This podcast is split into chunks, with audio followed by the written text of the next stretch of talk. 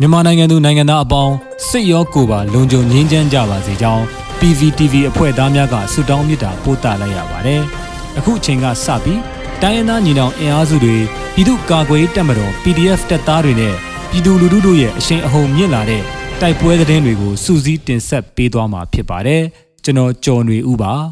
။ဦးစွာစစ်ကောင်စီတပ်တပ်ဆွဲထားတဲ့ခရမ်းမြို့နယ်ပညာရေးမှုရုံးကိုခရမ်း PDF က40မမဘုံတိလက်နက်ဖြင့်ပစ်ခတ်မှု စစ်သား3ဦးသေဆုံးပြီးအပြင်းအထန်ဒဏ်ရာရသူများလည်းသေဆုံးပွဲရှိတဲ့သတင်းကိုတင်ဆက်ပါမယ်။စစ်ကောင်စီတပ်တပ်ဆွဲထားတဲ့ခရမ်းမြို့နယ်ပညာရေးမှုရုံးကိုခရမ်း PDF က40မမဘုံတိလက်နက်ဖြင့်ပစ်ခတ်ရာစစ်သား3ဦးသေဆုံးပြီးအပြင်းအထန်ဒဏ်ရာရသူများလည်းသေဆုံးပွဲရှိကြောင်းခရမ်း PDF ကပြောပါရယ်။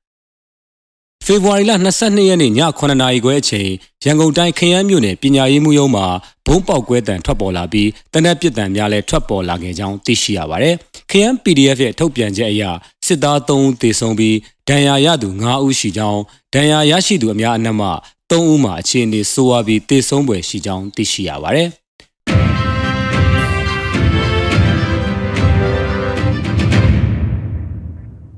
ဆက်လက်တင်ဆက်မှာကတော့ နောင်ချုံမြို့နယ်ရှိစစ်တပ်လုံခြုံရေးကင်းစခန်းနဲ့မိရထားရဲလိုင်းတစ်ခုကို PDF ကဝင်တိုက်စစ်သားများထွက်ပြေးပြီးစစ်ကောင်စီတပ်ဖွဲ့ဝင်တအူးတေဆုံးတဲ့တဲ့တင်ပါရှမ်းပြည်နယ်နောင်ချုံမြို့နယ်မှာရှိတဲ့အချမ်းဖတ်စစ်တပ်ရဲ့လုံခြုံရေးကင်းစခန်းနဲ့မိရထားရဲလိုင်းကန်းတစ်ခုကိုမြောက်ပိုင်းတိုင်းစစ်ဌာနချုပ် PDF တပ်ရင်းတစ်ခုကဗုဒ္ဓဦးနေ့နနက်တနာရီအချိန်မှာဝင်ရောက်စီးနင်းတိုက်ခိုက်ခဲ့ရာစစ်သားတအူးတေဆုံးကြောင်းဒေသကာကွယ်ရေးသတင်းရင်းမြစ်ထံမှသိရတာပါ။ ပြည်သူ့ကာကွယ်တပ်မတော်မြောက်ပိုင်းတိုင်းစစ်ဌာနချုပ်တပ်ရင်းတစ်ခုဟာနောင်ချိုမြို့နယ်အတွင်းမှာရှိတဲ့ကင်းစကန်နဲ့မိရထားရဲလိုင်းကန်နှစ်ခုကိုဖေဖော်ဝါရီလ23ရက်ဗုဒ္ဓဟူးနေ့နနက်တနာရီ30မိနစ်အချိန်မှာဝင်ရောက်စီးနင်းတိုက်ခိုက်ခဲ့ကြောင်းကင်းစကန်နေရာတစ်ခုမှာစစ်ကောင်စီတပ်သားများအချိန်ကပ်၍စွန့်ခွာထွက်ပြေးသွားခဲ့သည့်အတွက်၎င်းနယ်မြေတဝိုက်မှာနယ်မြေစိုးမိုးရေးလုပ်ငန်းများဆောင်ရွက်ခဲ့ကြောင်းအခြားကင်းစကန်နေရာတစ်ခုမှာစစ်ကောင်စီတပ်သားများအသင့်ဆောင်ဆိုင်နေတဲ့အတွက်ထိတွေ့တိုက်ပွဲဖြစ်ပွားခဲ့ကြောင်း စစ်ကောင်စီဘက်မှတအူးတေဆုံးပြီး၄ဦးဒဏ်ရာပြင်းထန်စွာရရှိသွားကြောင်းအကြမ်းဖက်ဖက်စစ်စစ်တပ်ကကားဖြင့်ဆုတ်ခွာထွက်ပြေးသွားတာကြောင့်၎င်းတို့ရဲ့ကင်းစခန်းကိုမိရှို့ရှင်းလင်းလိုက်ကြောင်းထုတ်ပြန်ပါတယ်။ PDF တပ်ဖွဲ့ဝင်3ဦးမစိုးရင်ရတဲ့ဒဏ်ရာရရှိပြီးပြည်သူ့ကာကွယ်တပ်မတော်မြောက်ပိုင်းတိုင်းစစ်ဌာနချုပ်တပ်ရင်းရဲ့ပထမဆုံးပွဲဥထွက်အောင်ပွဲတစ်ခုဖြစ်ကြောင်းသိရှိရပါတယ်။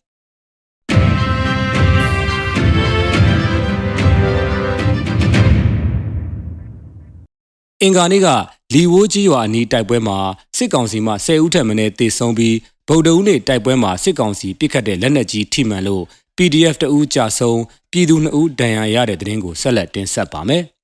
။ဖေဖော်ဝါရီလ22ရက်အင်္ဂါနေ့မှာဒီမော့ဆိုမြို့နယ်လီဝိုးကြီးရွာနဲ့ဝီသဲကူးကြီးရွာအနီးမှာအင်အားအလုံးရင်ဖြင့်ထိုးစစ်ဆင်းလာတဲ့စစ်ကောင်စီတပ်နဲ့ KNI ပူးပေါင်းတပ်ဖွဲ့ဝင်များကြားတိုက်ပွဲပြင်းထန်စွာဖြစ်ပွားခဲ့ပြီးစစ်သား10ဦးထပ်မံတေဆုံးကြောင်း ဒီမော့ဆို PDF ကသတင်းထုတ်ပြန်ပါတယ်။အင်္ဂါနေ့ကတနေကုန်နီးပါးတိုက်ပွဲဖြစ်ပွားခဲ့ပြီးညနေ3နာရီအချိန်မှာရဟရင်ဖြင့်9ချိန်ခန့်ပစ်ကူတိုက်ခိုက်ခဲ့တဲ့အပြင်ညနေ4နာရီအချိန်မှာတိုက်လေရင်နှစ်စီးဖြင့်9ချိန်ထက်မနည်းဘုံကျဲတိုက်ခိုက်ခဲ့ကြောင်းမူပြဲအခြေဆိုင်ခမာရ422တက်လွိုက်ကောအခြေဆိုင်ခလာရ253ညတက်နဲ့ဒီမော့ဆိုအခြေဆိုင်ခမာရ429ခွန်တက်တို့မှတာဝေးပစ်အမြောက်များအုံပြုကပစ်ကူတိုက်ခိုက်ခဲ့ကြောင်းသိရှိရပါတယ်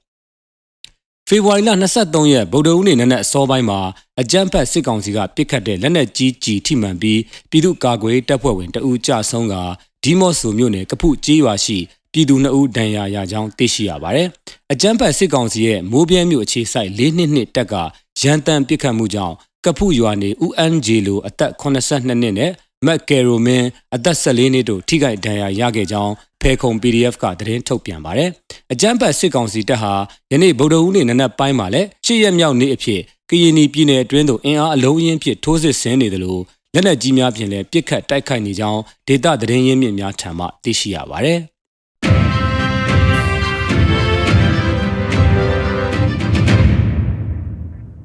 နောက်ဆုံးအနေနဲ့အမျိုးသားညီညွတ်ရေးအစိုးရ ပြည်ထရေးနဲ့လူဝင်မှုကြီးကြပ်ရေးဝန်ကြီးဌာနက2022ခုနှစ်ဖေဖော်ဝါရီလ23ရက်ရက်စွဲနဲ့ထုတ်ပြန်ခဲ့တဲ့ပြည်သူ့ခုခံတော်လှန်စစ်တရင်အချက်လက်တွေကိုတင်ဆက်ပေးသွားမှာပါ။အာနာသိန်းအကြမ်းဖက်စစ်အုပ်စုရဲ့ပြည်သူလူထုအပေါ်အကြမ်းဖက်ဖိနှိပ်ဖန်ဆီးတိုက်ခိုက်တပ်ဖြတ်နေမှုများကို ပြည်သူလူထုတရက်လုံးကအသက်ရှင်တန်ရေးအတွက်မိမိကိုယ်ကိုမိမိခုခံကာကွယ်ပိုင်ခွင့်အရာပြည်သူခုခံစစ် People's Defensive War ကိုဆင်နွှဲလျက်ရှိပါတယ်။တရင်အချက်အလက်များအရ2022ခုနှစ်ဖေဖော်ဝါရီလ22ရက်အင်္ဂါနေ့မှာစစ်ကောင်စီတပ်ဖွဲ့ဝင်48ဦးသေဆုံးပြီးထိခိုက်ဒဏ်ရာရရှိသူ12ဦးအထိခုခံတိုက်ခိုက်နိုင်ခဲ့ပါတယ်။စစ်အာဏာရှင်စနစ်မြမအမျိုးပေါ်မှအပြည့်တိုင်ချုပ်ငင်းရေးနဲ့ Federal Democracy တည်ဆောက်ရေးအတွက် ငြိမ်းချမ်းစွာဆန္ဒပြတဲ့လူထုတပိတ်တိုက်ပွဲများကပြည်내နဲ့တိုင်းဒေသကြီးများမှာဆက်လက်ဖြစ်ပွားပေါ်ပေါက်လျက်ရှိပါတယ်။မြေပြင်မှာတော့ယခုတွေ့ရတဲ့သတင်းအချက်အလက်များထက်ပို၍ဖြစ်ပွားနိုင်ပါတယ်ခင်ဗျာ။